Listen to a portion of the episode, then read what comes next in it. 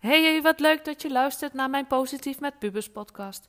In deze podcast beantwoord ik elke week vragen over het opvoeden van pubers. Wanneer je het even niet meer weet, vraag het mij dan. Ik denk heel graag met je mee. Ik krijg er zelfs energie van. Geef je concrete suggesties die je direct kan toepassen in jouw situatie. Ik inspireer jou met inzichten die impact zullen hebben op jou en de relatie met je puber. Want dat is mijn missie. Mijn naam is Janneke en ik neem je graag mee in mijn wereld als pubercoach. Let's go! Hey, wat leuk dat je weer luistert. Ja, ik heb er weer zin in. Vandaag een thema. Nou ja, soms is het zo dat ik in één week meerdere gesprekken heb over een bepaald onderwerp. Afgelopen week was dat het onderwerp loslaten van je puber. En wanneer iets in korte tijd meerdere keren op mijn pad komt, betekent dat voor mij dat ik daar wat mee mag of mee moet. Dus daarom deze week een podcast over loslaten. En de vraag die ik centraal stel is: hoe kan je je puber loslaten? Daar geef ik nu antwoord op. Het loslaten van je puber, eerlijk? Volgens mij begint, als ik dan even terugdenk en ook kijk naar mijn kinderen, die zijn nog geen puber, maar volgens mij begint het proces van loslaten al veel eerder. Maar staan wij niet zo bij stil? Het zijn namelijk die kleine dingen, van die kleine momenten. De eerste keer dat je kind naar school of naar de opvang gaat. De eerste keer spelen bij een vriendje of vriendinnetje. De eerste keer dat je kind alleen naar school gaat. Kun je die eerste keren nog herinneren? En wat dacht je dan, als je dan wat ouder zijn, naar alleen naar de sport laten fietsen? Of de overstap van de basisschool naar de middelbare school? Van die kleine, veilige school waar je alle juffen kent en waar je nog wel eens binnen kwam.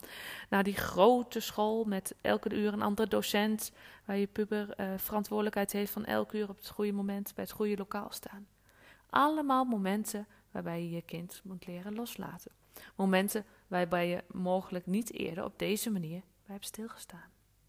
En, en, en hoe deed je dat dan? Heb jij elke keer jouw puber, of nou ja, toen nog jouw kind, het vertrouwen gegeven om weer een beetje meer zelf te kunnen? Wat was voor jou daarin de graadmeter? Observeer dat eens. Want, dat is eigenlijk wat je doet. Je kijkt, je geeft ruimte. Je kijkt wat je kind, of die er klaar voor is. En je kijkt wat hij wat doet met die ruimte. En vanuit daar ga je bekijken uh, hoe ze zich ontwikkelen en hoe ze de wereld ontdekken. Hoe ze zelfstandig worden. Daar heb je altijd afspraken over gemaakt. Je geeft vertrouwen en je krijgt vertrouwen terug. En dat merk je ook. En dat doe je ook bij je puber. Het proces van loslaten is gewoon een hele lastige. Maar wanneer je terugkijkt dus naar die momenten, ben je er eigenlijk al stap voor stap mee bezig. Vanaf het moment dat ze heel klein waren tot nu. Maar wat maakt dan nu dat loslaten in de puberteit zo, zo lastig? Heeft dat te maken met, met de mogelijke gevaren? En waren die er toen niet toen jij, of toen jouw kind, moet ik zeggen, uh, wat jonger was? Waar heeft dat mee te maken? Nou, ik denk dus dat het met name te maken heeft met jouw angsten of jouw onzekerheden, onzekerheden, excuus, die het moeilijk voor je maken. Deze zal je los mogen laten. En deze mag je omzetten in vertrouwen. En dat is best een ingewikkeld proces. Vind ik. Zelf ook, moet ik eerlijk zeggen. Niet, niet dat ik pubers heb, maar ik merk dat nu bij mijn kinderen. Die willen nou ja, stap voor stap ook steeds meer zelfstandiger worden. Je puber heeft het in de puberteit nodig, om weer even terug te komen op die puber, nodig om meer beweegruimte te krijgen. Ruimte om zelf te mogen ontdekken wie ze zijn, wie ze willen zijn en wat ze willen. Ze zijn bezig met het ontwikkelen van hun eigen identiteit, hun eigen ik. En daarbij hebben ze jou nodig op de momenten dat zij jou nodig hebben en niet andersom. Dus vertrouw erop dat je je werk goed hebt gedaan. Vertrouw erop dat je je puber jouw verhaal kent, jouw, jouw angsten of jouw, jouw dingen waar je bang voor bent, jouw zorgen. Vertrouw erop dat ze naar je toe komen op het moment dat ze dat nodig hebben. Vertrouw erop dat je, je jij de puber de tools hebt gegeven om zich te redden. En wanneer ze dan, wanneer ze dan bijvoorbeeld toch in de situatie komen dat ze het even niet weten, dat ze weten hoe ze hulp kunnen inschakelen. Vertrouw erop dat ze hun eigen weg kunnen vinden. Vertrouw erop dat ze hun eigen keuzes kunnen maken. Zorg dat je er voor je puber bent. Altijd. Wees die bron van vertrouwen, van rust, van veiligheid. Heb respect voor de keuzes die zij maken, ook al zijn het niet jouw keuzes. Wees die inspirator, die motivator wees een persoon die uitleg geeft en belangstelling toont. Want hoe ongelooflijk moeilijk het ook is, jouw proces is het enige waar je invloed op hebt en waar je wat mee kan. Jij kan het proces van je puber tussen haakjes beïnvloeden, maar wil je dat je puber opgroeit tot een onzelfstandige volwassene? Of wil je dat ze opgroeien tot zelfstandige volwassenen? En dan zal hij echt de kans moeten krijgen om dingen zelf te doen, om dingen zelf te ontdekken. Dus schat de mogelijke gevaren in. Bekijk of het relevant is om wel of niet bepaalde acties uit te zetten. Bespreek ook gewoon wat jouw zorgen zijn. En maak duidelijk dat je je puber vertrouwt, maar dat je de situatie eng vindt. Dus niet je puber beoordelen, maar de situatie. En maak dat ook duidelijk. Zo voorkom je dat je je puber uh, onnodig onzeker maakt of dat ze zich onzeker gaan voelen over hun eigen kunnen. Dus bespreek wat je puber het beste wel en niet kan doen. En laat je puber zelf dat pad bewandelen en blijf niet zijn hand vasthouden. Ja, je puber zal fouten maken. En dat is oké, want daar zullen, zullen, ze ook weer van leren. Je puber zal te maken krijgen met alcohol, drugs en sigaretten. Ja, weet je, wie ben ik om dat te zeggen dat dat niet gaat gebeuren? Dat is een utopie. En zeker in deze tijd is het toch wel heel gemakkelijk om aan de dingen te komen die je zou willen. Het is gewoon onvermijdelijk. Je kan ze uitleggen wat de gevaren zijn en wat de mogelijke gevolgen zijn als je dingen gebruikt. En je kan ze verbieden om te gebruiken. Maar weet ook dat wanneer jij het verbiedt, je de deur sluit en mogelijk een deur van nieuwsgierigheid en stiekem doen opent. Geef aan dat je het zelf liever niet hebt, maar verbied het ze niet. Leg de verantwoordelijkheid bij je.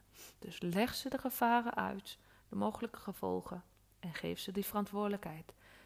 Daarmee zeg je eigenlijk: ik vertrouw erop dat je zelf keuzes maakt en zelf keuzes kan maken. En ik vertrouw erop dat jij de goede keuzes maakt voor jezelf.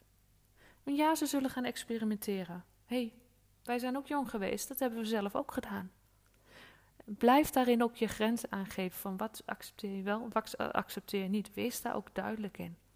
En dit is lastig, maar het is toch o zo belangrijk.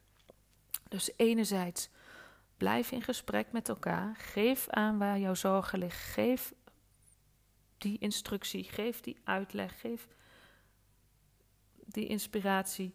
Toon die belangstelling. Maar geef ook aan, oké, tot hier en niet verder. Je bent nu echt een grens overgegaan nou, wat die grens ook is, bespreek dat met elkaar. Dit is voor mij een grens. Als dat is dat je puber niet mag roken, dan is dat een grens. En wees daar ook consequent in. En maak ook afspraken op het moment dat je merkt of ziet en ruikt dat, die, dat je puber een grens overgegaan is. En dan nog blijft het de keuze van je puber. En dat maakt het zo lastig. Dus Grenzen stellen, ja. Keuzes laten maken, ook ja. Super lastig. De stap van angst en onzekerheid naar vertrouwen is dus een proces. Laat die spanningen bij jezelf toe. Want wanneer jij je angsten en onzekerheden projecteert op je puber, dus wanneer jij dat gevoel ook overdraagt, zal dat ten koste gaan van het vertrouwen. En je moet voor jezelf gaan kijken, maar wat wil ik nou? Wil ik dat mijn puber angstig wordt? Of wil ik dat vertrouwen geven? En weet dat dat ook invloed gaat hebben op die band of die relatie. Wanneer jouw relatie gebaseerd is op angst, die relatie met je puber gebaseerd is op angst, heeft dat invloed. Wanneer je relatie gebaseerd is op dat vertrouwen en het geven van die verantwoordelijkheid en het stap voor stap geven van die verantwoordelijkheid, Merk je dat? Voel je dat? Voelt je puber dat ook? Dus ga voor jezelf op zoek in jezelf. Waar komen die angsten en onzekerheden vandaan? Weet je, loslaten is echt, echt niet makkelijk. De ene keer denk je dat je het goed gaat en dat je de, uh, je puber de verantwoordelijkheid aan kan. Maar soms weet je het ook gewoon even niet. En dat mag. En weet je, zoek dan een hulplijn. Want je puber bevragen is niet altijd makkelijk. Je probeert het wel. Maar het lukt gewoon op sommige onderwerpen ook gewoon niet of lastiger. Het blijft elke dag een uitdaging. Dus steeds mee bewegen, luisteren, jezelf ontwikkelen, begrijpen, belangstelling tonen voor wat je puber bezighoudt. tijd spenderen met elkaar, begrip voor je puber op uh, opbrengen en uitdagen om een mening te vormen en steeds weer opnieuw die discussie aan te gaan. En in die discussies wil ook niet altijd je gelijk halen. Weet je, gevaar, als het gevaar draagt, absoluut. Maar luister gewoon ook wat je puber te vertellen heeft. Super, echt super belangrijk. En dat gaat je zoveel inzicht geven. En zie elke dag als een nieuwe mogelijkheid om te genieten van het proces van je puber. Het proces van volwassen worden. En focus je op de dingen die je puber goed kan, die kwaliteiten. En weet je, hulpvraag kan altijd, maar wat je zelf kan doen, doe dat zelf.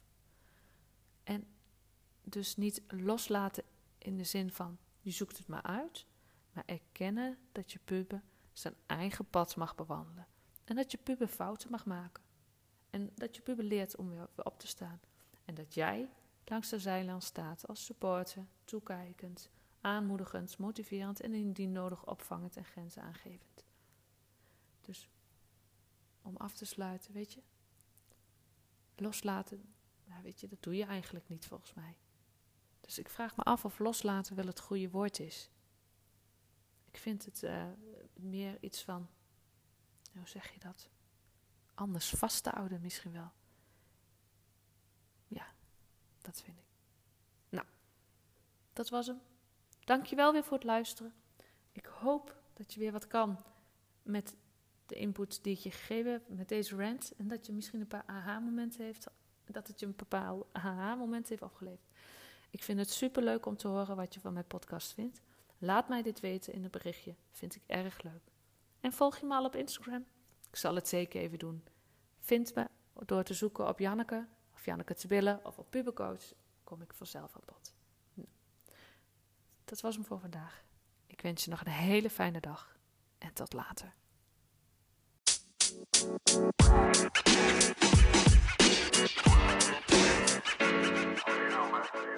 you know, man.